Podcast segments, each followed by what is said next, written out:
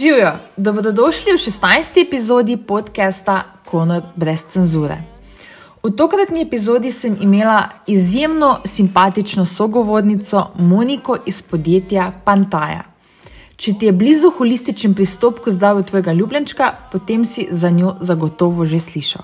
Monika je namreč lasnica blagovne znamke Pantaja, ki je ime dobila po njeni psički hrtini Pantoji. Monika je namreč pred leti rešila iz izredno krutih razmer nekje v Španiji, o tem tudi tekom epizode govoriva, malce pove, v kakšnem stanju je recimo Pantoja prišla k njej in zakaj se je potem na vse zadnje njena zgodba tudi začela. Torej, zgodba znamke Pantoja se je začela poleg hrtinje Pantoje tudi z magnetnim stimulatorjem. In potem nadaljevala skozi različne holistične produkte, ki našim kosmetincem na naravni način pač pomagajo do boljšega zdravja.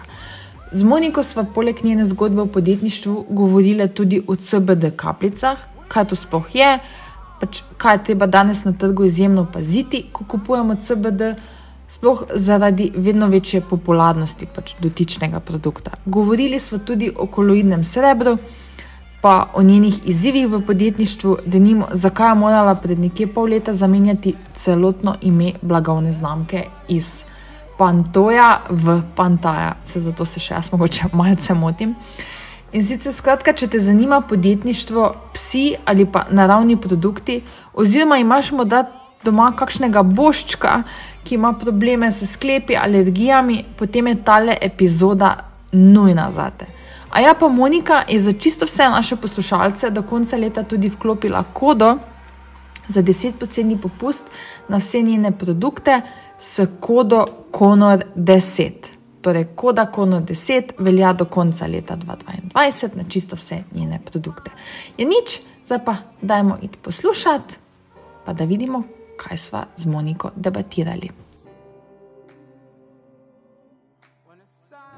Živijo, Monika, kak si kaj? Povej mi, ko vem, si ravno prišla iz dogodka pri Adriani v Sony Pethouse, si bila na tej pasi žurki, kak je bilo, kak ti kaj doživljaš te dogodke pri Adriani? Živijo, pija. Uh, ja, res je, danes sem bila ponovno v Pethouse Sony, mm -hmm. tokrat v Mariboru.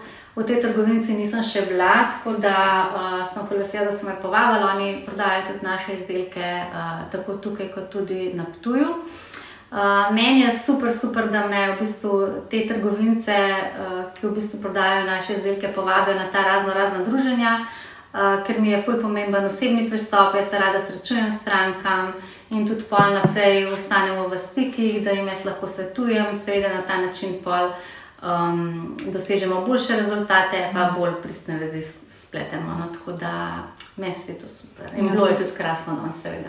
Mislim, je bila gužva, torej se je splačalo pred Maribor. Ja, veš, da se vedno splača. Ja, ja. Vsaka stranka je pomembna. Ja.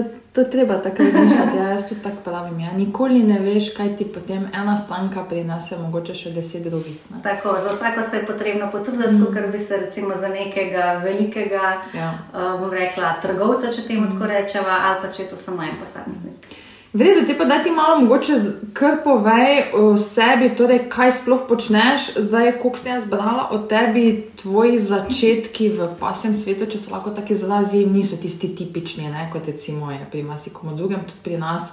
Kupila sem si psa in potem pač na podlagi svoje neke izkušnje ugotovila, da to pa to rabim ali pa potrebujem. Uh, zdaj, ko vem, ti izhajaš iz podjetniške družine, zdaj svoje prvo podjetje si celo ustvarila že 17 let nazaj. Kaj točno, mislim, da je malo povedati o svojo podjetniško zgodbo, od vseh začetkov pa zdaj do danes. No. Ja, eh, res je, jaz izhajam iz podjetniške družine in mogoče imam tudi um, nekje ta mindset že nastavljen od vsega začetka. Uh, jaz sem takoj po zaključenem faksu odprla SP, se pravi, drugo leto bo to 20 let. In ta SP še vedno aktiven. No. Uh, Dio Panta je pa nastal dve leti, pa pol nazaj.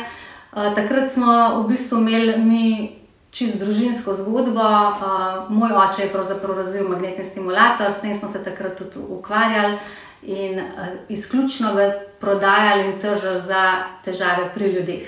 Uh -huh. Uh, Čakaj, on je razvil, če sem te prav razumel. Tako, v sodelovanju z ostalimi Aha. Strokovnjaki iz različnih pač področji, ja. so razvili pač ta stimulator. Ta je pravzaprav že tretja generacija uh, teh magnetnih stimulatorjev, to ni mhm. prvi stimulator. Uh, tako da um, moram reči, da sem bila že od vsega začetka upeta v to, no, on se pa pravzaprav s tem ukvarjal že od 82 let. Mm. To se pravi, da moram reči, mm. poslušam to celo življenje mm. In mogoče zato tudi drugače gledam na uh, te podjetniške zadeve. Um, vem, da pridejo težki časi, da se za stvari treba pač potruditi. Nobena stvar ne pride čez noč, mm. in lej, zdaj sem tukaj. Je pa to um, res, ta stimulator v osnovi, sploh nismo mi razmišljali, da ga bomo delali za živali. Ne, tako kot si ti rekla, pa je prišla Pantoja, um, posvojena psička in dejansko sem jaz ta stimulator začela na njej tudi uporabljati, zato ker je bila pač v zelo slabem stanju. In imela je težave s hrbtenico, hudr tritis na tačkah. In tako sem jaz videla, kako hude rezultate tu dosegamo pri živalih, šla pa tudi to naprej raziskovati in ugotovila, da v tujini je to čisto nekaj posebno običajnega, da magnetna terapija se ful uporablja. In um, tako je prišel nek prvi izdelek, ki sem ga samo preusmerila uh -huh. uh, na živalce, magnetni stimulator in tako je tudi Pantaja nastala. Uh, jaz sem se to vzela kot neko odskočno desko, nekje moraš začeti. Najlažje je to s proizvodom, ki ga že imaš, da si ustvariš pač tudi neke prihodke in potem greš naprej v razvoj drugih produktov. Pa si mogla, mislim, si mogla, oziroma ste mogli ta stimulator kar predelati ali dansko isti kot za ljudi. Isti kot za ljudi, samo frekvence se mečkam mm -hmm. drugače, drugače uporabljajo kot mm -hmm. uh, pri ljudeh, so malo nižje. Živali so namreč zelo senzibilne za ta magnetna valovanja, mm -hmm. oni ta valovanja čutijo, medtem ko mi jih ne čutimo. In oni tudi takoj pokažejo, ali smo jim mogoče nastavili previsoko frekvenco, se odmaknejo, ali pa recimo um, primeri so tudi, ko ti recimo, psu daš na križni del hrbtenice, potem se bo pa on obrnil, pa bo glavo gorda. Na ta način pač uh, on sam pokaže, ki on rabi. Uh, tako da oni neverjetno sprejemajo, uh, sprejemajo ta magnetno valovanje in tudi ne samo to, pri njih ni tega placebo efekta. Uh, Ki bi rekel, um, se pravi, jaz si lahko namislim, da nekaj deluje ali pa ne deluje, ne, pa si pa pač ne more, on samo malo razume. Ja, ja. Ok, samo ko si rekla, lahko nastaviš premočno, to pomeni, da lahko škodiš tudi s tem, lahko gre to tudi v neko mislim, negativno smer. No. Ja, uh, zdaj pa se zna povedati, kot mi, recimo, mm. imam fulhudo bolečino, vnetje pač karkoli. Zato mi vedno začnemo z nižjimi frekvencami, mm pa potem postopoma stopnjujemo. Če bi tako izdelali, da ti rečem, za poškodbe se uporablja naprimer 10 do 15 Hz.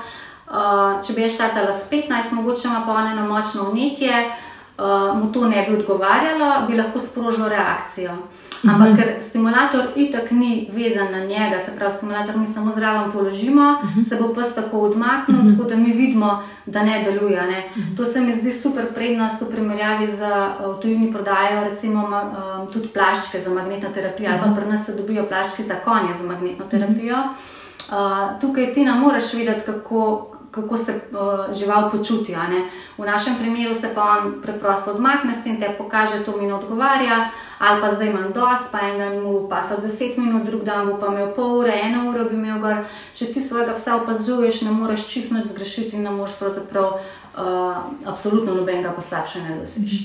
Okay, lahko za mogoče nekoga, ki si to res ne zna predstavljati, kako sploh deluje to, mislim, Pa to vprašanje, drugo pa tudi, ali je to tudi mogoče, recimo, konor je zategnjen, na mesto, da bi ga zapeljala na masažo ali pa kakemu fizioterapeutu ali pa komorkoli pa že, da malo mu te mišice sprosti, ne vem, da dam ta aparat gor. Ja, tako, tako. Ti to lahko vse sama narediš, recimo, mhm. ne? zato ker kaj naredi magnetna? Uh, kot prvo, če rečemo, um, to je PMF terapija, pulzirajoče elektromagnetno valovanje. To pomeni, da se um, notri je magnetna toljava, ki se vklaplja in izklaplja. Uh -huh. uh, se pravi, če nastavimo frekvenco 10 Hz, to pomeni 10 krat v eni sekundi. Uh mhm. -huh. In na ta način vplivamo na uh, same celice, na prehodnost celičnih membran. te se povečajo, da lažje iz celic uh, se izločajo ven metabolni produkti, strupi, lažje grejo noter hranljive snovi, kisik, ki so v bistvu pomembne uh, za samo uh, pravilno delovanje celice, ATP celice se dvigne, se pravi celična energija.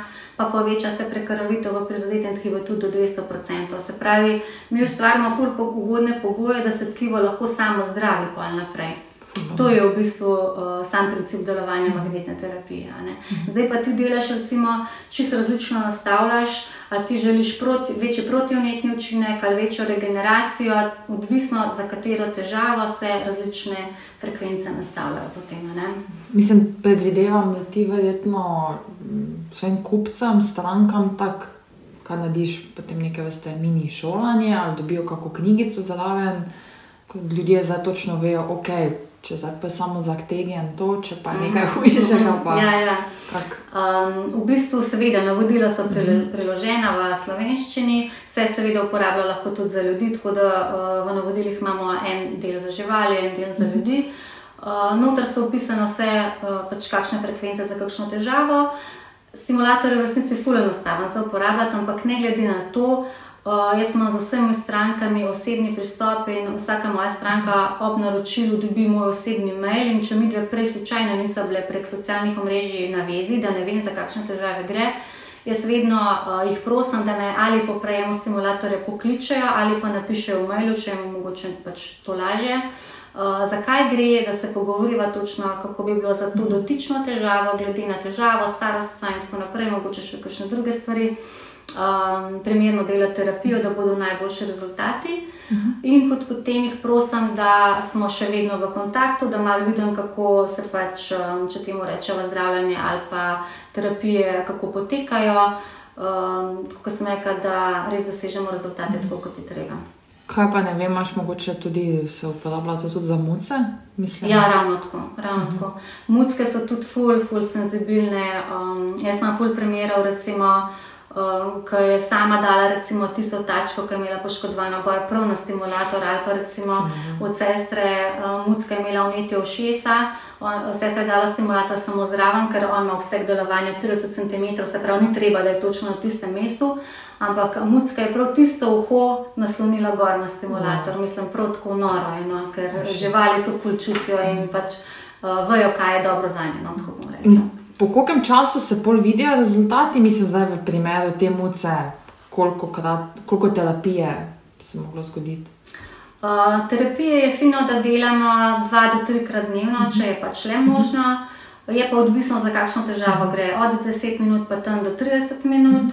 Um, s tem, da če nimamo časa delati dva do trikrat na dan, um, lahko, če živali seveda odgovarja, to je pač predpogoj. Uh, um, pustimo tudi do ene ure gore. Ne. Jaz pa to delam enkrat dnevno in ne zvečer najbolj odgovarjajo terapije in jaz idem kar eno uro, križni le dve nedelji, pa eno uro prednje tačke tam, kjer ima artritis. Mhm. Pa kako pa je za v tvojem primeru? Rekla si, da si pač.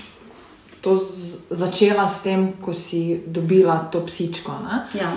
Prvo te bom vprašala, Galgo je, ne? če se ne ja. Kako to, da si se odločila za njo? Mislim, sprašujem zato, ker vem, da te zgodbe so včasih tako, ker so hljive. No. Ja. Si si vedno želela hrta? Pač, Veš kaj, ja, v bistvu v hrta sem se zaljubila enkrat, ko sem šla v eno trgovino z pohištvom in tam sem imela dva posvojena hrta. Mhm. In tako sem šele začela te pač zgodbe spremljati. Um, seveda je pa meni tukaj pritisnilo na to čustveno plat, zato ker mm. pač, um, sem in tako, tako ful mm. socialen človek. In, kar se pa tiče živali, sem pa itek čist fertig, bom rekla. In tudi mucke, vse, kar sem imela, sem jih vedno pač posvojila. Mm. Uh, doma, če govorim o preteklosti, starši smo zmer kupovali um, pač rodovniške pse. Mm. Um, jaz pa nekako hočem živalim pomagati, čeprav zdaj to spet stvar debate in s tem ja, pomagaš, ja. ne pomagaš, se ne bova zdaj v to spuščala.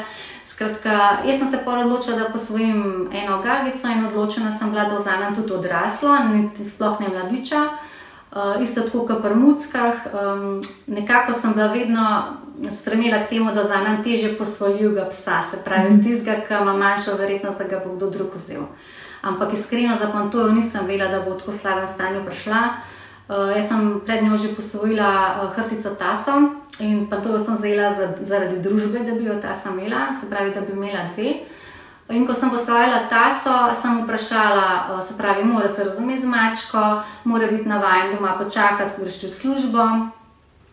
In pač mora ustrezati mojemu načinu življenja, jaz hodim v hribe, kaj tam tako naprej. In ta se je res taka prišla. Pri Pantoji pa tega nisem še enkrat ekstra izpostavila ne? in je pač prišla, kakršna je prišla. Ne? Pač uničena, shirana mm. in nesposobna hoditi 15 minut, ko je bilo pač tako stanje. Kako je bila pa stara? Takrat je bila 6. Šest. Zdaj pa 12, ali kar je. Uh. Pa zdaj je veliko še od takrat. Ja. In kakšna je njena zgodba? Mislim, je bila tu tekmovalni pes, pa so enostavno preterali. Ali... Uh, galgi so v bistvu lovski psi, uporabljajo zelo na zajce. Uh -huh. Uh, s tem, da ona je rodovniška psička in dejansko se je samo za mladičena, tako da zato je tako uničena. Aha, okay. ja, in tudi, eh, ko sem jaz dobila, tako kot sem rekla, sama kost, 10 cm žulj je vesel z prsnega koša, uh, dlaka in koža sta bile popolnoma sive, mislim, grozljivo je bilo. No, tudi uh, jedla mi je kamne, mislim, ni da nekaj ona meni pojedla, gnojilo mi je hotla pojesti. Jaz sem jo mogla toliko nadzirati, uh, ker je bila toliko izhirana, pa prestradana, da normalno. Joj. Se sem brala o tebi, ne? mislim, in tako se pripravljaš na intervju, ja, pač piše tam v tvojem opisu, ne? ampak eh, ko pa zdaj govoriš, to še malo bolj hudo. No? Pa si mislim, pismo, no, ne vem, vem kako bi jaz odreagirala, no, da dobiš kaj takega. To si mislim, da mora biti res grozno. No. Ok, in potem si začela ti na njej uporabljati ta stimulator, videti, da zadeva deluje, potem je pač prišlo verjetno do ideje o sami znamki. Ne? In kdaj je potem prišel ta drugi produkt, kako vemo, za že kar nekaj produktov? Ne? Ja, ja, tako. Um, ja, uh, drugi produkt. Čakaj, kako je pa že bilo? Jaz sem v bistvu uh, idejo sami blagovne znamke, oziroma um, ne niti ne sami blagovne znamke, se pravi v podjetju, misiji podjetja in tako naprej, dobila uh, decembra, preden je pa ta korona, je bilo to 2019. Uh -huh. uh, vse smo že začeli razpravljati in o koroni, v bistvu sem jaz podjetje odprla, tako da me je to kar dosti zaustavilo, bom rekla, ker se ti ne moš nikjer predstavljati. Aha, okay. Um, Pozno pa mislim, da že decembra, uh, čaki, ne januarja, pardon, smo dali 2-procentne CBD kapljice, januarja 2021. Aha, tako da, dejan, aha, januarja 2021, tako da prvo si začela z čaki, stimulatorjem. stimulatorjem. S pantojo, v smislu samo magnetni stimulator, tako. in potem si imela en čas samo to, to, to. Tri četrt leta sem imela samo okay, to. In potem tako. so se zgodile CBD kapljice. Tako, tako. Okay, tudi mogoče zaradi pantoje ali mislim, ja, se CBD tudi 100% verjamem. Uh -huh. um, na ga takrat v resnici nisem še uporabljala, dodajam ga zdaj dobro leto, recimo stalno. Uh -huh. Uh, vem pa, da mislim, vedela sem pa še prej, uh, koliko pozitivnih učinkov na splošno ima na telo CBD, in sem bila pač trdno odločena, da moram to tudi pač dati in um, pač pomagam. Sem se pa takrat res osredotočala, predvsem na kakšen način, uh, s katerimi izdelki bom jaz pomagala, spravi s psom, z bolečinami, artritisom in tako naprej. Takrat nisem jaz razmišljala o tem, ok, pomaga tudi za krepitev imunskega sistema, alergije, ampak izključno iz, uh, ker sem na to fokusirana na pantojo dejansko, ne? kako bomo reševali te težave. Veš? Ja, se potem, ko izhajaš dosti krat iz sebe in iz svojih težav, in tako gotoviš, da nisi edin, ne, da je ogromno psov s, ta, pač, s takimi težavami, sploh ko verjetno pridemo na kakšne alergije, tega se mi zdi, da danes tako ogromno. Uh, pa tudi ortopedskih težav. Mislim, ja, itak, ne, da, me, jojo, da me ne bi zdaj kdo narobe razumel, da tega dosti manj ne je, no, ampak pač se mi zdi. Uh, no, v redu, zdaj pa, kaj se tiče CBD, da imamo mogoče malce razložiti, da ne bi, mislim, se verjetno dosti ljudi žive, ampak okay, se, to ni isto kot THC. Ne? THC vemo, da to ni legalno, CBD, ko vem, ima, ima spokaj THC not, ali da mogoče malce zdaj razložijo teh, ker vem, da imamo še potem CBD, pa potem THC v smislu kot oznaka, ki, se, po, ki, ki jo poznamo, pošlje, ne se zdi CBG. Ne? Ja, pa CBD, uh, no, pač, ja. Uh, skratka, uh, to sta samo To so dve različni stvari. Mm -hmm. To sta samo dva izmed uh, najpomembnejših uh, pač kanabinoidov v mm -hmm. um, konoplji, uh, THC pa CBD. Uh, CBD je kanabidiol, mm -hmm. THC je pa tetrakanabidiol. Mm -hmm. In uh, razlika je v tem, da THC je pač deluje spravi, v mami, ja. CBD pa ne. ne. THC se veže na receptore na možganjih, zato tudi do tega pride. Uh, CBD pa ne. CBD ima pa full širok spektr delovanja na pač različne zadeve, od krepitev imunskega sistema, protibolečinsko, pri epilepsiji so nore dobre rezultate, uh -huh. tudi ljudi zdravijo, recimo epilepsijo s CBD-jem. Uh -huh. Um, skratka, drugače imamo, ima pa konoplja več kot 100 uh, kanabidoidov. Okay. Ti uporabljaš zgolj CBD kapljice. Tako, to je CBD, uh, s tem, da uh, uradno je dovoljeno v produktih s CBD-jem tudi nič celih 2% THC-ja. Uh -huh. To je neka. Um, vedno je neka naravna, tudi v industrijski konoplji, vedno neka nara, uh, spravi, naravno prisotna vsebnost THC-ja. Mhm. -huh. Naše kapljice imajo tega THC-ja še fulman, imajo ni celih nič 5%, uh -huh. ker pri kuških je treba paziti, ne, ne glede na to, pač, da je ni mogoče misliti drugače. Uh, THC lahko zelo neugodno na žival vpliva. Uh -huh. uh, čeprav, bom rekla, mogoče v paliativi na koncu je res tisto res hodo, ne, da mu pač olajšaš, da mogoče se na ta način pa pomaga. No. Uh, sicer pa določeni uporabljajo tudi samo izolacijo BDA, se pravi brez ostalih kanabinoidov. Uh, ampak um, po raziskavah ta ne deluje tako dobro, kot če imamo polni spektr, ne? ker mi imamo kapljice polnega spektra, se pravi, da je samo eden izmed teh, potem so pa še ostali. Uh, in naše kapljice se tudi vedno testirajo na prisotnost deset teh pač najpomembnejših mhm. kanabinoidov. Uh -huh, uh -huh. Ok, pa ti svetuješ uporabo teh kapljic vsem, v končni fazi, okay, tudi lahko tvoje kapljice uporabljajo tudi ljudje, ali bolj, bom tako rekla, rakavim bolnikom, recimo na primeru živali. Pač izhajam z tega, ker sem včasih mislila, da ja, se CBD, to se uporablja mogoče na psih, ki ja, ima mogoče kakšen, ne vem so rakavi ali pa so imeli v preteklosti kako rakavo obolenje, kako je z uporabo tega. No?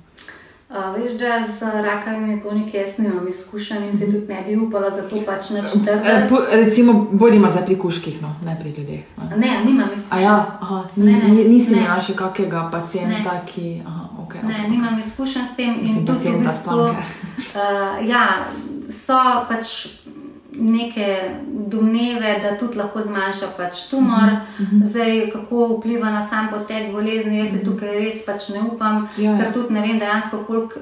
V bistvu je bilo tukaj raziskav iz tega stališča narejenih, vem pa, da jih recimo ful velik za druge stvari, od epilepsije največ, sigurno pa za artritis pa kot protibolečinska terapija. Ok, pa na trgu imamo cel kup CBD preparatov. Ne. Mislim, se še spomnim, oho, let nazaj, ko sem delala v eni multinacionalki, ko je ta CBD prišel. Ne. Se mi zdi od krem, šamponov, pa se mi zdi posod, da danes najdeš. Ne. Se mi zdi, da je res tako, ker modna muha, ampak verjetno je treba pač pri uporabi tega kar paziti, ker verjetno se med sabo precej razlikujejo. Mm, ja, sigurno.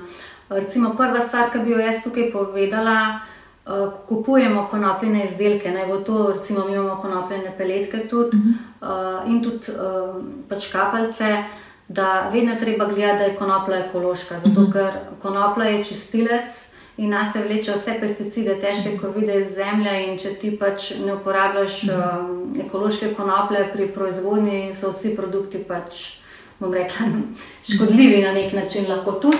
Eh, tako da to je ena zadeva, potem treba gledati, um, od koga ti nabavljaš, kakšen je njegov proces. Se pravi, pri nas se uporabljajo recimo certificirana semena in uh, tudi uh, stalno se vse testira, se pravi, semena so ekološka, potem vzorci zemlje se jemljajo, potem cela rastlina se spet testira na osebnost, recimo prisotnost kakšnih pesticidov, nečistoč in tako naprej. In potem tudi končni produkti se vedno na vse to testirajo. Mm -hmm. In potem, da se testira spet, um, kot sem rekla, na prisotnost pač teh vseh kanabinoidov. to je tudi zelo pomembno. Pomembno je tudi, da gledamo, uh, recimo, seveda, kakšen procent mi rabimo, ker različne, različne težave zahtevajo različne jakosti. Recimo, oziroma pri doziranju treba vedno upoštevati par različnih stvari, to niso samo kilogrami, ampak upoštevamo tudi samo težavo. Pol, en kužek lahko čist drugače reagira recimo, na CBD. Kot pa drug, mogoče manjši kužek potrebuje celo večjo količino CBD-ja, kot pa večji kužek. Um, tako da pri CBD-ju je, imamo neke okvire, ki se jih je pač treba držati, potem pa lastnik vidi, kakšne so spremembe in na podlagi tega prilagajamo. Zato pa jaz pravim tudi pri CBD-ju, tako kot pri stimulatorju, pomembno je, da smo na vezi in da pa lahko to prilagajamo. V glavnem, jaz mislim, da sem to vse povedala, kar se tiče več tega, kaj treba paziti. Uh, jakosti. Ja, pomembna je mogoče tudi ta CO2 ekstrakcija, na kakšen način se pravzaprav CBD pridobiva, um, zato ker ta CO2 ekstrakcija, ki imamo mi, najučinkovitejša, najvarnejša, pa tudi naj, najčistejša. Pa tudi mogoče res, da se gleda, um, kakšna je osebnost uh, THC-ja, uh mhm. -huh. da je pač ta čim manjša. No. Mhm, ti se kaj čaka, zakonska meja je 2%, sem tako rekel. Ni cela 2%. Ni 2% celih dva, Aha. zdaj ne bi jo celo nekaj dvigali, sem slišala. Uh mhm. -huh. Ampak vse pravim, pri kuških je treba to zelo ja. previdno, čeprav pa tudi tako bom rekla, treba je paziti, kje ti jemliš. Jaz nisem pristaš tega, da recimo vsak doma to varija. Zdaj jaz si ne bi upala to prejmo kar vzeti, ker kar pa jaz vem, kako, kakšni so postopki, kako je on to naredil, kaj vse tukaj noter vsebuje, kaj pa če makaj tega, recimo. Uh mhm. -huh. Tako da treba je pogledati, pa se držati tistih pač preverjenih dobaviteljev, pač se mi zdi, da je to pametno. No. Ker si omenila tudi doziranje. Ka, vredu, če daš psu teh kapljic preveč, mislim, si imela že premed, da lahko rekli, je bil pes zadet, mislim, zadet. No, ne vem, kako od, se drugače izraziti. No. Ja, od CBD-ja ne more biti zadet, uh, od tega je od THC-ja. Ja, ja, um, edina stvar, ki se lahko zgodi, recimo, če pa zdobi preveč kapljic, je, da dobi drisko ali pa da mu je slabo. Ne, se pravi, če mi recimo um, spravi pri kakšnem hudem artritisu, uh mhm. -huh. postopoma povečujemo količino CBD, da dosežemo nek optimalen učinek. Eh, ko bomo dosegli zgornjo mejo, ti vidiš, da bo koža predvsem odrisko dobil, takrat veš, da si na zgornji meji in da greš malo nazaj in potem ustrajaš uh mhm. -huh. pač na tej meji. Uh -huh, uh -huh. Ko smo govorili o tem, da pač treba paziti, ja, da, ima pač, uh, da sestavine, uh, pač to je nek certifikat, da zadeva ekološko predelano. To, mislim, če ni skrivnost, ti to nabavljaš v Sloveniji. Mislim, gledano, da si omenila, da imaš tudi konopljene pelete, imaš ne vem da sem mislila enega kmeta tam, ki ti pač to goji in iz tega potem se to vse pridela ali odkot dobivaš. Jaz se vedno stremim pri vseh mojih izdelkih, da uh, podpiram lokalno, uh -huh. pa mhm. da probam pač podpreti slovensko uh -huh. uh, gospodarstvo in pač uh, podjetništvo. Uh, v redkih primerih, recimo, če se nekaj ne bi dobili, morda kakšna sestavina, uh -huh. recimo pri šamponu, pa tako. Uh, da je bilo pač to potrebno naročiti iz tujine, drugače pa v glavni bi vse v Sloveniji. No. Mhm. In se mi zdi tudi, da v končni fazi podpiramo slovensko ja, razumljivo. Ja, to, to, to sem jaz tudi zelo taka. Sicer v našem primeru je nažalost zelo težko dobiti sestavine v Sloveniji, ampak. Dobro, kar lahko. No. Ja, kar lahko absolutno. Vredo, in potem take, mislim, tudi ko gre za razvoj nekih uh, novih produktov, mislim, ti potem, ne vem, Mislim, kako sploh prideš do ideje, do novega produkta? Vem, vidiš, kaj je že v tujini, ali enostavno, oziroma tako vprašala, ko si imela CBD kapljice, si hitro prišla polna ideja na konopljene pelete, ali je to bilo kar naenkrat, kako sem brala, meni se zdi, da je to ostanek. Ja, ti peleti. Ja. Tis, no, se, ja, ja, te pelete so v bistvu. Um, To so v resnici uh, neoluščena, stisnjena konopljena semena, než drugega okay. in so stranski produkt pri pridobivanju konopljnega olja. Aha. Se pravi, v vsakem primeru se konopljeno olje stiska, mm. na eni strani taka pogačica ven, mm -hmm. pride in iz tega so pač te konopljeni peletki, um, ki so super prebiotik, recimo, mm mogoče se bo tega pol kasneje uh, lotle. Skratka, za te pelete je ideja kar kmal prišla. No? Uh, kot podpora imunskemu sistemu, prebavnemu sistemu, vemo, da veliko stvari izhaja iz črevesja in pač to se super podpre. No. Za vse driske, recimo znižuje kislino, pankreatitis, gastritis, mm -hmm. imamo ful dobre rezultate. Rekla si prej, da je konoplja čistilec, da nas, nas se veže strupe. Ne?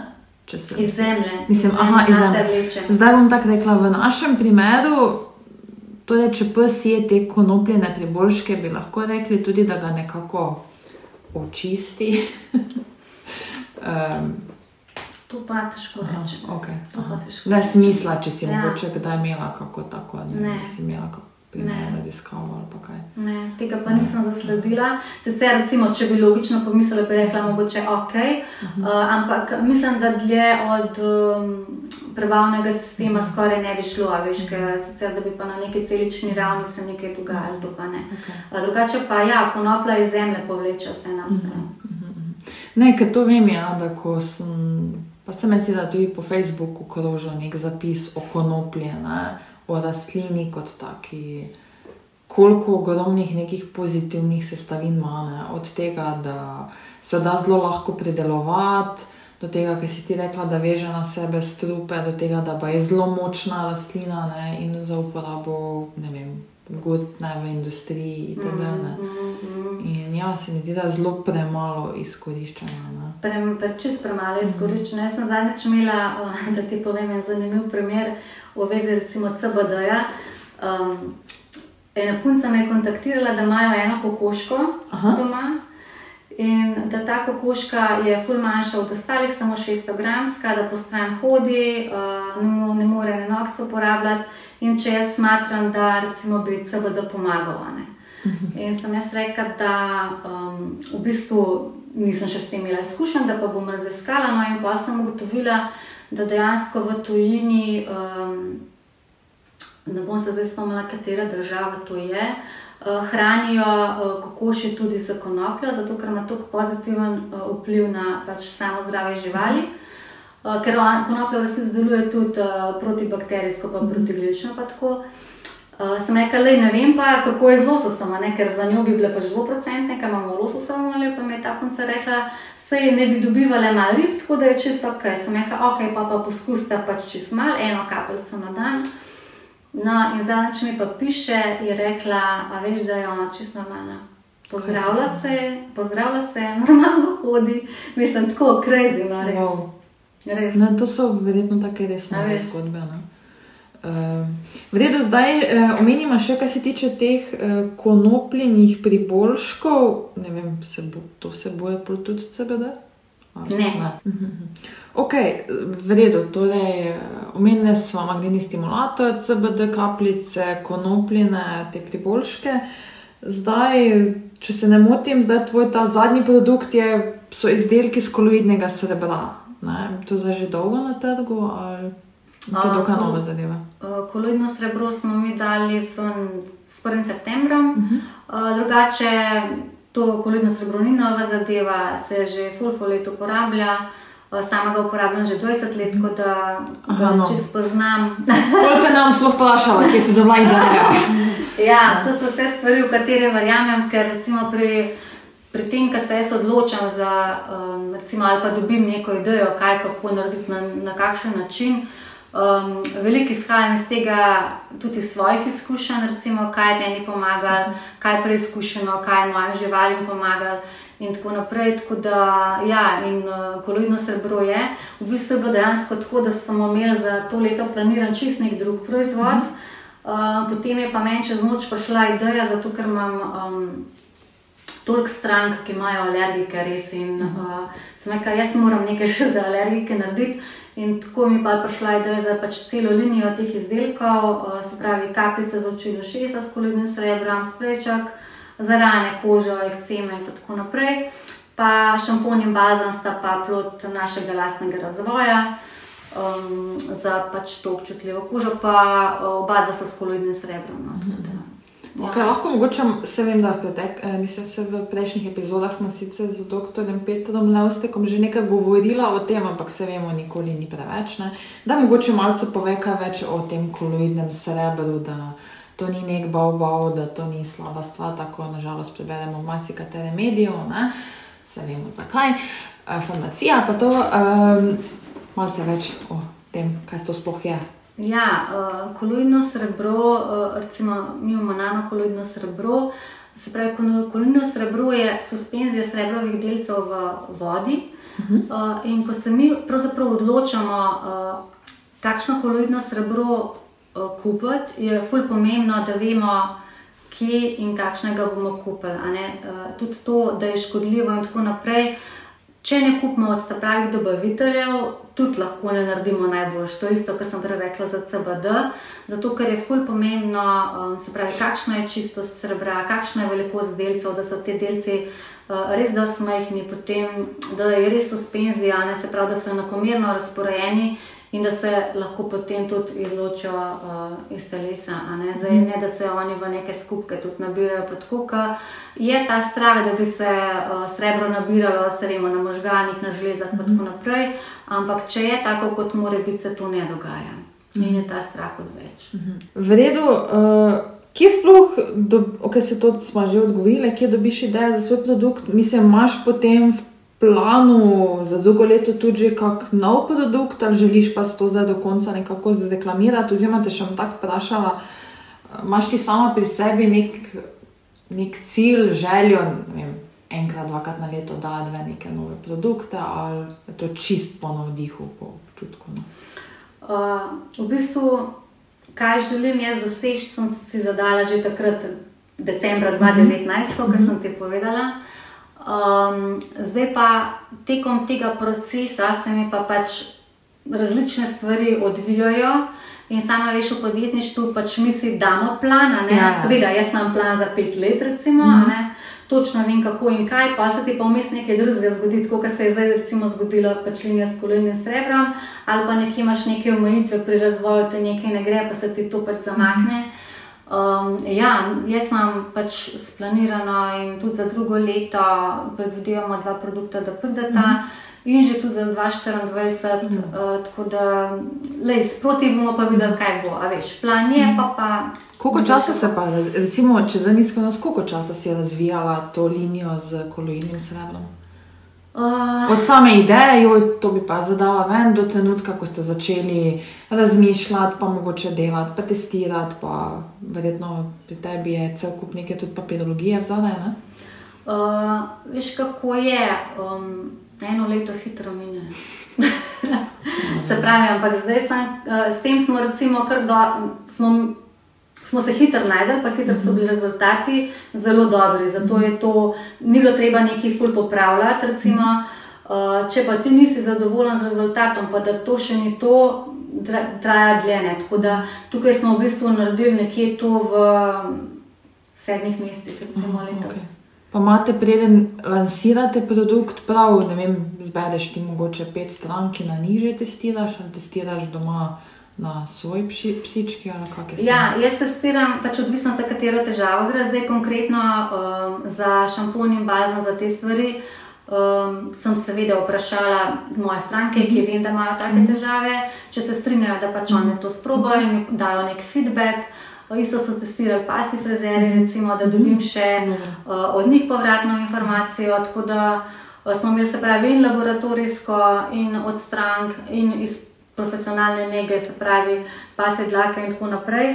Uh, in z gotovostjo lahko trdim, da ti šamponi so uh, z lahkoto nadomestijo profesionalne šampone in tudi medicinske šampone. To pa mhm. dokazuje ta uporaba pri veterinah, no, zdaj, ki imajo res krasne rezultate. No, no, no, no.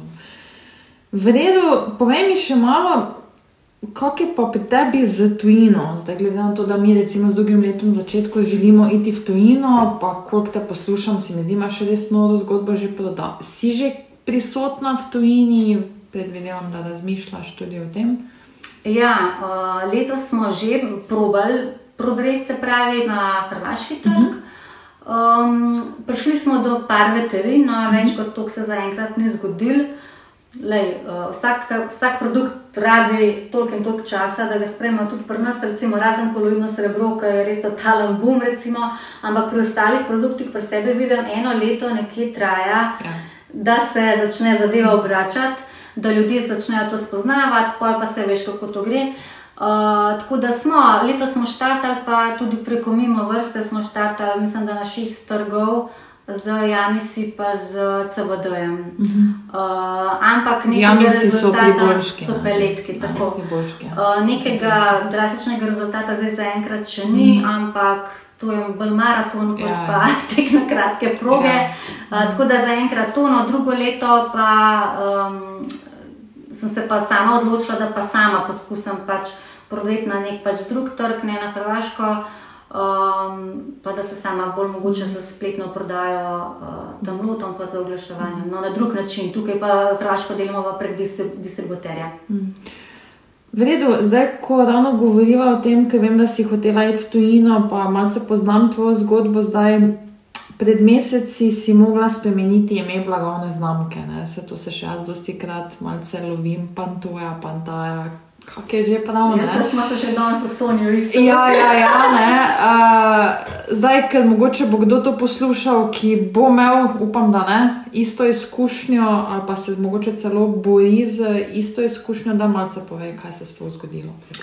Ja, um, najprej ne povem, da je ime se pravi Pantoja, podjetja, ki je bilo pač prvotno tako. Je seveda vezana na moje pantojo psičko, ker je mhm. razlog, pač, da sem sploh to začela delati. Uh, pol se je pa zgodilo to, da sem jaz v bistvu lani decembra um, na evropskem trgu zaščitila blagovno znamko Pantoja. Uh, in potem, seveda, se je najdlo eno podjetje, ki pa je imelo zaščiteno blagovno znamko Panto, niti ne Pantoja. Jaz, tega, jaz sem spreverila pa samo Pantoja, Pantoja je obstajala, ja. Panto je pa obstajal, ampak uh, jaz nisem šla tukaj po pravno pomoč, tako da mm. če kdo preden, če ima kdo, recimo, to bi ful priporočila, preden ti izbereš blagovno znamko in če nameravaš prodreti na tuje trge, definitivno uh, se prej pozanimajo obstoju drugih blagovnih znamk in to s pravno pomočjo, ko oni ti naredijo celo pač to raziskavo. Uh, ker dejansko ta moj kiks mi je prinesel veliko stroškov, pa joka in tako ja, naprej. Uh, ja, neko podjetje iz Hamburga se je pač najdlo, ki ima zaščiteno blagovno znamko Panto za hrano za male živali. Uh, in ker menda sta pač ta imena preveč podobna, lahko pride do zamenjave na trgu. In ker so bili pač oni to pred mano, sem jaz bila prisiljena to znamko pač spremeniti. Ne. To pomeni uh, spremeniti uh, čisto vse, ne, od uh, fotk, spletne strani. Recimo, mogla sem vršiti 2500 vrečk za peletke preč, ker sem jih tok naprej naročila, seveda, ja. da sceno ceno iš skozi prideš. Um, skratka, vse spremeniti s pantojem, ampak hvala Bogu, v pantaja, da je potem to šlo skozi, da imeli, uh, ni bilo treba spremenjati pa vizualne podobe, uh mhm. -huh. da se je samo ena črka spremenila. Um, tako da rečem, da smo spremenili za šest produktov, kaj pa če bi jih pa 20, a ne bi ja. pa še bolj kam zadela. Mm. Uh, moram pa reči, bolj čustveno me je tudi mene to vrglo, zato ker sem ja. toliko firmo vezala na Pantojo. Mm. Pa mi je pa dobro ena punca rekla, prav, le Monika, mogoče se boš pa zdaj malo čustveno odlepila od vsega skupaj, pa to je malo kot mm. posel. Mm. Uh, pa to je pa postiž doma, pa. ja, se to ni pametno, ne? zato ker se še tudi spomnim, ko smo mi začeli z Konos Adventure. Isto, to je tako moj otrok, ne pač to dojemaš, ne vem, vsako pohvalo dojemaš, kot da tebe pohvalijo, vsako kritiko dojemaš, kot da si ti, da sem ga zdaj zakon, da reka, ne. Tako zelo se jemliš osebno, ne. In potem vem, da ko smo se enkrat z enim mentorjem pogovarjali, jo, pa se podjetje imaš, pol ga prodaš, pa to mi je bilo, kaj si ti notko, da bi zdaj. Jaz sem se začela, kot da je ledvico prodala. Ja, ja, da pol letos, če, mislim, ma ne letos, pol čez čas, ja, letos, ne pa potem začenjaš to tudi gledati malce drugače. Tudi če bi kdo zdaj prišel mimo, pa ponudil en zelo lep znesek, ja, pa gledaj, mogoče bi ga pa tudi mm, prodala. Mm, mislim, mm, ne, ni za to mm. dobesedno tvoj otrok. Ne.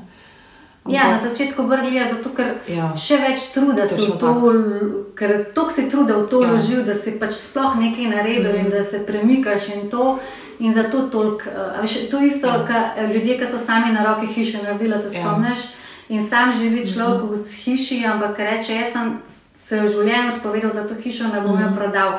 A veš, to je ta čustvena navezanost, ampak kot praviš, z leti tudi to umečkam zbledi, pa le, ko enkrat tudi mogoče sam sebe ne najdeš več v tem poslu ali pa karkoli se ti pa zgodi. Um, pa ja, enkrat mogoče tudi prodaš. Ma veš kaj? Jaz tudi vidim tako pri teh zgodbah, eh, ker okay, poleg tvoje zgodbe poznam še kar nekaj drugih, ne, se zato na podlagi tega tudi jaz zbiram svoje goste zdaj decembra, ne, ker se mi zdi, smo vsi, ko imamo tisti nek strast, strast, ne, Mm. ko ti je res, res, res ni vseeno za stranko. Ne. Mm. In se mi zdi, prvo kot prvo, okay, da si pristen, pa da imaš res to ogromno skrb za stranko. Ne? Mm. Da ni samo, mislim, da včasih se po mojem si ti podobna, da včasih jaz tudi odgovarjam, ne vem, pa vem, da to ni normalno ob 12. po noči. Ne? Isto delam jaz. Ne, pustimo, ne, zdaj, da te to zna včasih tudi izčrpati, ampak zato se vedno bolj dogaja vsa ta čus, čustvena navezanost na podjetje, ti je res pomembno za tistega Ja. človeka. Zato, ne. ker ti, uh, mislim, zakaj ti greš? Zato, da je stranka zadovoljna. Ja. Ja. Tako, kot jaz, meni ni lepšega, razumeš, ko vidim, da je stranka happy, da je pes zdrav. Mislim, Sploh pri tebi je to še bolj. Veš, koliko je to? Mislim, Ja. Bog ne da, da uh, kakšen pes umre. Mislim. Mene mm. Igor samo vpraša, vedno, kje je spet umrl. A veš, jaz se zmeraj jokam za vsako mm. stranko. Ja. Za vsa. Joj. A Joj. veš, in mi je. Pač, A veš- to bi pa rekla, da bi tebi še hujše. Ne? Mi na srečo trkam, tega nimamo toliko, ok, slišiš kdaj, ampak ko pa gre za take, ne, ne neka za zdravstvene pripomočke, ampak no, Veš ki vplivajo na zdravje. No? Škaj ti padeš v njihovo zgodbo, Ja. ja. kot prvo si sam lastnik živali in se pač poistovetiš, ja. uh, kot drugo jih čiš čutiš, a veš, mm. z njimi trpiš, res narediš vse, da bi bilo pač izboljšanje. In, uh, a se veš, ta socialna mreža, mi smo s mojim strankem smo res povezani, ja. veš, in pač kako ti nam bo hodo, a veš. Ja, se to je res.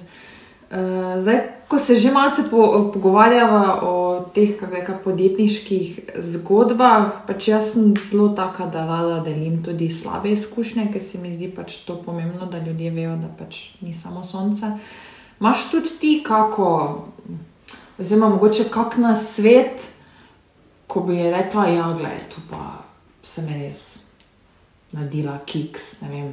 Tega pa ne ponavljate, tako sem jaz, ok, poleg mogoče te zdaj blagovne znamke, še kaj takega. Ko... Uh, ja, ta blagovna znamka je definitivno. Mm. Um, rekla bi tudi nekaj. Uh, ful se mi zdi pomembno, da se družimo s podobno mislečimi, mm -hmm. um, ne z negativnimi, ker le vsak ti bo.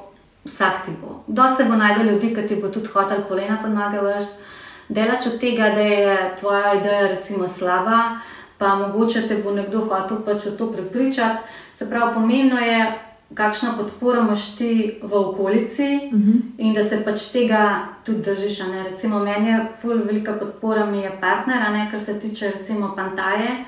Um, če njega ne bi bilo, bi ful težko, recimo, sploh v kakšnih teh težkih momentih. On je Pre... tudi podjetnik?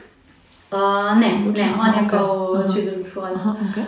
Uh, recimo, prej, ko sem pa imela samo SP, ko smo pa družinsko delali, a veš, smo bili pa tudi mi kot ena celica in smo se vse skupaj odločili, ne glede na to, da recimo smo delali čisto ločeno. Uh, in je ful pomemben, ker ti se z nekom lahko pogovoriš in veš, da ti bo on iskreno povedal, pa bo rekel, recimo, tukaj, da je to se nasakira, ali pa da je tukaj mal spisan, se veš, da ti bo pol pa tako, pa tako, ne? ali pa da je res dobra, ali pa ne, da je mogoče pa tukaj mal razmišljaš, rabaš iskrene ljudi, pa dobro podporo. No? Mhm. In uh, ne se ozirati na tiste slabe, slabe energije in tako naprej, tam se lahko obrnete, pa greste naprej. To bi rekla, no pa tako, kot si Zan že rekla, tudi računovodstvo. -huh. uh, je tudi ful pomembno, no, da imaš res dobrega računovodja, ker drugače. Imaš ti tudi kako tudi tako bolj slabo izkušnjo kot Uh, kot SP imam, Aha, uh, okej. ampak uh, kot del pa nimam, imam pa super računovodkinjo in mi fulo teh tale.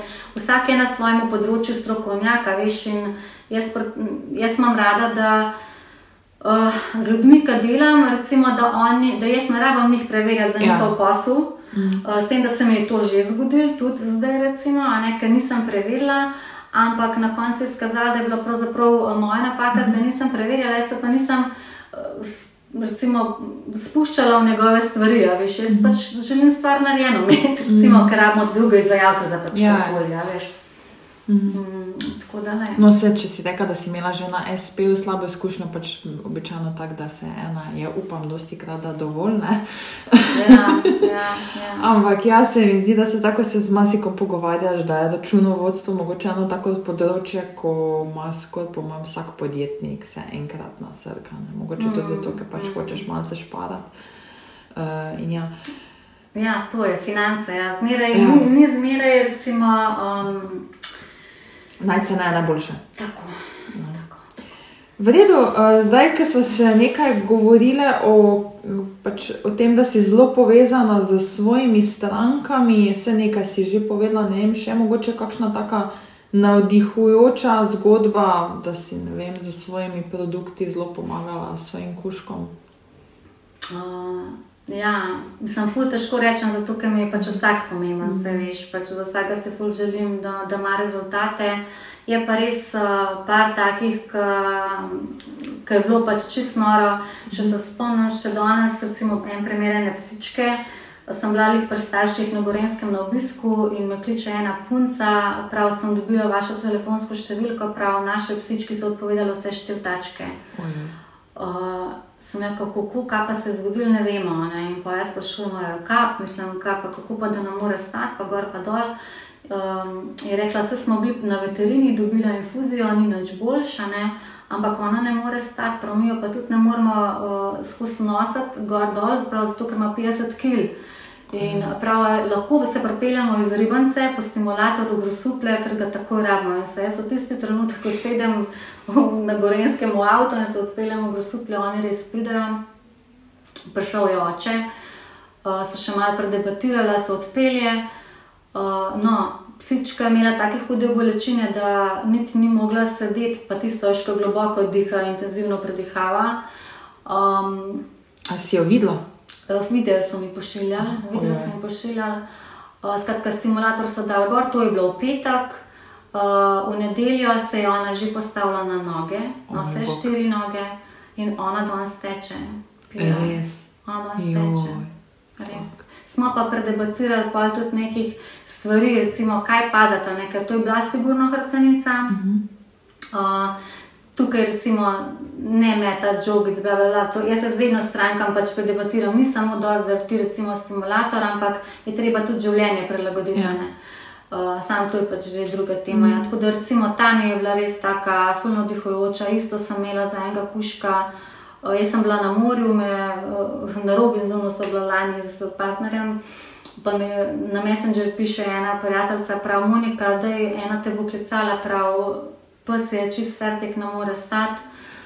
Uh, sem rekel, jaz sem pa na morju, kaj naj naredim. Sem rekel, da bom mami prosila, da pošlje stimulator in je poslala stimulator in res delal. Potem smo enega isto pošiljali z morja, ga je prišla iz Paga skrt na bližnjo pumpo, da smo nam neko medicinsko črpalko poslali.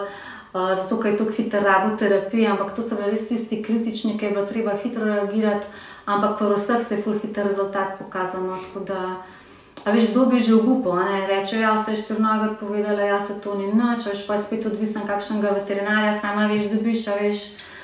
Koliko je financ tudi, da ti to raziskuješ, ja. da pomagaš, a veš, vse je tudi s financami povezano. Ne, pri psih je to pač ni hecno. Zato sem jaz dosti krat tudi pri konorju, ko se karkoli zgodi, zelo panična ker si mislim, prvo kot prvo, prsti ne more povedati. Ne? -hmm. Tudi eh, veterinarji, ne se mi zdi, da se jim dosti krat ni za zameriti, ne?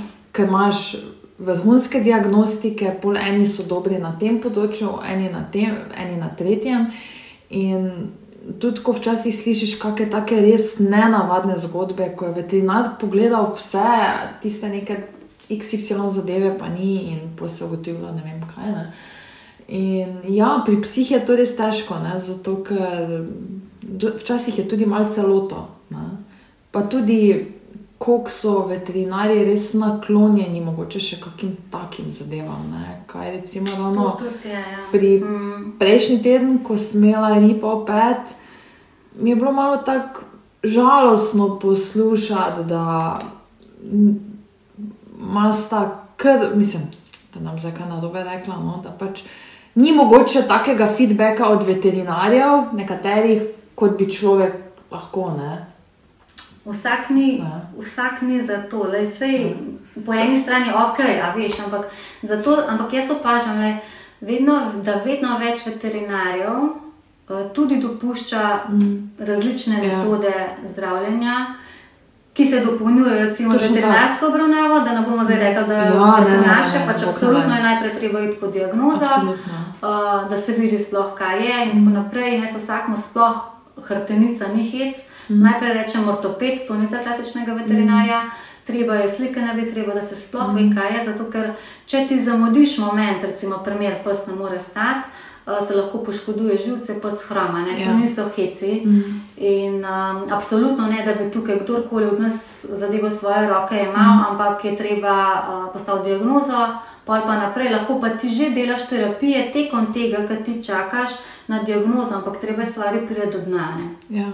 Mislim, jaz bi tako rekla, fajn bi bilo, ne, da bi, če lahko kaj pospožim, da bi preprosto vsi veterinari v Sloveniji ne, pač se zavedali, da okay, to je veterina oziroma pač medicina. Ne, Ampak, gledajte, obstaja še pa to, to, to, dajte še proba to, to, to. Ne. Mislim, se vemo, pač vse se konča, pa začne pri denarju. Nekateri ljudje si pač mogoče tega ne bi mogli privoščiti.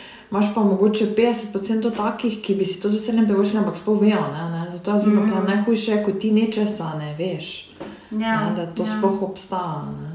Zdaj se mi je na dveh veterinah recimo zgodilo to, da so mi oboji rekli, da je vedno več strank, ki iščejo naravne rešitve, mm. prav, ki jih hočemo naročiti na pregled, recimo pride, pa se praska z glavo, stresa, zlijemo šesa, ne prav vzemo naročilne veterinarje, ne najprej hočemo poskusiti na naraven način in iščejo naravne metode. Tukaj mi recimo s koloidom pridemo noter, ampak um, da se vedno več to dogaja. Tudi uh, stranke uh, se tako, kot tudi za ljudi, recimo, uh, poslužujejo vedno več metod, ki bi omogočile brez, zdravljenje brez tablet, recimo, ker vemo, Ja. da so stranski učinki. Ampak dobro, za vse to ne moreš, ne pač Ja. tam, kjer lahko. Mm. Ne, to je vse zato, to imam jaz včasih tudi problem, ne, ko ne vem, ima pes kako alergijo. Ne. Ja, mu bomo dali kakšne druge brikete proti alergijam. Ma, daj. Ja, ima 50 sestavin. Kaj če bi pomišljali mogoče na prehranjevanje, kaj je bilo 50 let nazaj, ko pač pes je surovo hrano. Saj o tem smo že v prejšnjih podcastih, dosti, mislim, epizodah povedali, ampak. Veš, kaj jaz pogrešam, ampak tudi verjamem, da, da je vedno več tega, tudi opažam pri nas, da določene veterinarije se tega poslužujejo. Ja, se se. Uh, se pravi, celostnega pristopa. Mm. Uh, tudi recimo z našo linijo s kolidnim srebrom, super, rešujemo simptome, recimo, ampak če ti ne pristopiš celostno od spremembe prehrane, Ja. ja. diagnosticiraš, kaj sploh mu povzroča alergijo, greš na bioresonanco, ne vem kam, mm. vse pač nisi nič kaj dosti naredil. Ne. Lahko pa ti hodiš tja, si vse prilagodil, sam ker je še zmeraj primer alergik na pršice in se mu še zmeraj simptomi pojavljajo, ti s tem lahko super rešuješ. ne. Um, ampak da bi že veterinar v osnovi ne takoj dal zdravila, tako Ja. ja. vemo, ampak, da, um, ampak na drugačen način. Ampak je, jaz imam upanje, tako da se je Ne, vse je, vse ogromno je, zato ker se tudi sama in z enim veterinarjem tako sodelujemo, tisti je tako napreden, sto na ura. Eh, Kar se tiče razmišljanja, delovanja, se tudi tako eh, smo se pogovarjali z Ripo Pet, tudi oni imajo kar nekaj veterinarjev, ki so res. Ne. Tako da, ja, definitivno tudi jaz menim, da grejo zadeve ful naprej, se izboljšujejo, ampak včasih pa bi si mogoče vseeno želel bolj, ne, sploh glede na to, da gre to za stvari, ki so samoplačljive. Ja. Ne, uh, in ja, pač tudi preventiva je. Tak, se to samo hočem tudi prepovedati. Ne, da pri psu še mogoče preventiva toliko boljša, ker jaz to vedno povezujem, sploh pri konorju. Ne, takoj, ko je kaj narobe, jaz sem včasih fulpanična, ker si mislim, da grem prej, pa zapravim, ne vem, 100 evrov za veterinarja, ko pa zadeva čakaš, ne veš, ono tretjo, pa, pa se vemo pri psih. Sploh pri velikih psih, ko prije pokne kakšna operacija, ampak je- to so taki zneski, da te sezuje. Ne? To jaz ful, recimo, točno to preventivo po, poudarjam, uh, sploh recimo, težavah s hrbtenico, pa sklepja. Ne? Ker tukaj se. Uh, Pa je pa še zmeraj mogoče malo premalo zavedanja, da če Ja. bi mi na ta prav uh, način, se pravi, pristopili do zgodaj, mm. lepo in je, se ti pravi, mi dve imamo šest let artritis na isti stopni, nič ni napredoval, a veš. Ampak kaj, spremenila sem prehrano, ker jaz sem ugotovila, pol, ko sem, ji- pa sem jim pelete dejala, hladnostiskane pelete da se mi še vedno vsake toliko časa zateče tačka, kako če jaz terapije delam. In potem, seveda, od znotraj se mi je vnetje dela, mm -hmm. a ne vemo, žita delajo ono, tretje, še vse mogoče kaj procesiranega, ne vem. Mm -hmm. Ko sem jaz šla pa na. Pa to na kuhano hrano, na kuhano hrano, takrat se je ne to ustavilo in od takrat imamo mi dve na tej bazi. Se pravi, če boš ti spremenil prehrano, ne daješ žit in stvari, ki povzročajo netja, si že pa artritis ful mm. velik naredil, pa artritis veš, da ga ima od starejših psov no, vsak, ne vem, 8 psov od 10. Um, tukaj ful velik naredimo in to mišljenje, da ja, pes je star, težko hod, ne se nič ga naboli, pa ko me hod, čakaj. Ti pa 90-ih bi komaj lezel, pa te nič ne boli, ni to tako. a Ne? To mišljenje treba zamenjati. Uh, in tudi recimo z magnetno terapijo, če ti začneš, ko se ti da, dobiš sum na hernijo, boš to ful lepo zaezil, pa seveda prilagodil življenje, da se razume, nobenih vlečnih iger, Ja, ja. recimo iger žogo, ne skakanja, tako naprej, so pa še druge stvari. Ti lahko ful preprečiš. Mm. In ta preventiva, tako kot praviš, ja. na začetku te bo ful mal stala, pa mal živcev, mm. če pa tega ne boš se lotil, ne bo pa na koncu lahko noro, pa mogoče še celo sodno lahko. Ne. Ja, ne, pri psu pa vemo, ne, da tako že premalo časa živijo. Ja, tako je. Je v redu, mi dve smo po mojem bile danes kar izčrpne, še kaj takega, ne vem, kaj, kaj se tebe tiče, bi še mogoče kaj takega izpostavila, ne vem, v končni fazi, kje te lahko naši poslušalci najdejo, mm, okay, na spletu, v katerih trgovinah, pa ne vem, še želiš mogoče za na konec kaj sporočiti. Ja, um, seveda, vsak je dobrodošel, da mi piše prek social medija. Jaz to uh, redno odgovarjam, za vse vprašanja sem na voljo. Uh, tudi če je samo za vprašati, uh, lahko izdelke popolnoma nekje drugje kupite naše, pa meni pišete. Jaz imam tak način dela, da tudi vsaka stranka, ki kupi naš izdelek ali na veterini ali v kakršni koli trgovinci, lahko mene za pomoč pol pokliče in tudi dam vedno vse kontakte. Mm -hmm. Uh, imamo že kar v nekih trgovinah naše izdelke eh, prisotne, na veterinah, kar se tiče veterin, je veterina Buba, Grosuple, veterina Buba, Novo mesto, uh -huh. veterina Dobro, Ivančna Gorica, pa veterina Plevnik, Logatec uh -huh. zaenkrat. Um, kar se tiče um, drugih izdelkov, smo pa tudi Doget Vrhnika, Doget Ljubljana, Murgla, Doget Ljubljana Center. Uh, Petiš Ljubljana, Petiš Novo mesto, Petiš Ivančna Gorica. Uh -huh. Uh, se, se sploh ne bom spomnila, tudi kakšni pasi salončki imajo, um, kaj je še, uh, pasi pikanet, uh -huh. pasinet, uh, Maribor pa uh -huh. Ljubljana. Sonja, ne? Pa Sony, mm. tu in Sony, Maribor, Ja, pismo. pa Petiš Koper, vse ne vem. Kaj pa dol, no, mislim, te vem, da si tako po celi Sloveniji, tako da super, no, drugače pa na tvojem, a pa na spletna stran. No. Na spletni strani pač, ja, imajo pa različne trgovince, različne izdelke, redki so, ki imajo vse, pač Ok. okay. vsak se odloča za nakup naših izdelkov na, na predvidevanju, Ja, ja, kaj njihove stranke pač rabijo. Um, lahko pa tudi vprašate, če bo dosti povpraševanja, bojo pa tudi tu pač Ok. noter. V redu, pa še želi za na konec karkoli sporočiti? Uh, ja, želim vam sporočiti uh, predvsem to, da izkoristite vsak čas z vašim kosmetinčkom. Uh, dajte mu dovolj časa, dajte mu dovolj pozornosti, uh, vsak dan je dragocen, pa bodite pozorni na vse, kar vam želi povedati, ker oni vam povejo vse, samo videti treba. Joj, fulje zaključek. Monika, hvala, da si prišla. Hvala tebi za povabilo, z veseljem. Takole, pa smo tudi pri 16. epizodi našega podcasta Kono brez cenzure prišli do konca. Tako vedno rečem, jaz upam, da vam je bil slednji všeč. če ti je bil, prosim, ne pozabi ga deliti med svoje prijatelje, znance. Eh, tudi pusti mi kakšen komentar. Jaz osebno bi bila še bolj vesela, če mi mogoče pošlješ kdaj tudi kakšno pripombo, če ti karkoli pri samem podkastu ni všeč. Drugače pa ja, glej, ne pozabi tako že v uvodu na tole aktivno kodo, kono 10, eh, ki velja na vse produkte od uh, Pantaje do konca meseca decembra. Uh, drugače pa ja, gled, če si to poslušal pred vikendom, imej kaj se dali vikend, upam, da bo šel mogoče za nekakšen lep božični sejem. In se poslušamo ponovno spet naslednji četrtek, ko bo z mano ena zelo prijetna punca, dejansko konkurentka, samo to lahko za zdaj nam niknem. Tako da nič, bodi fajn in se poslušamo. Čau, čau!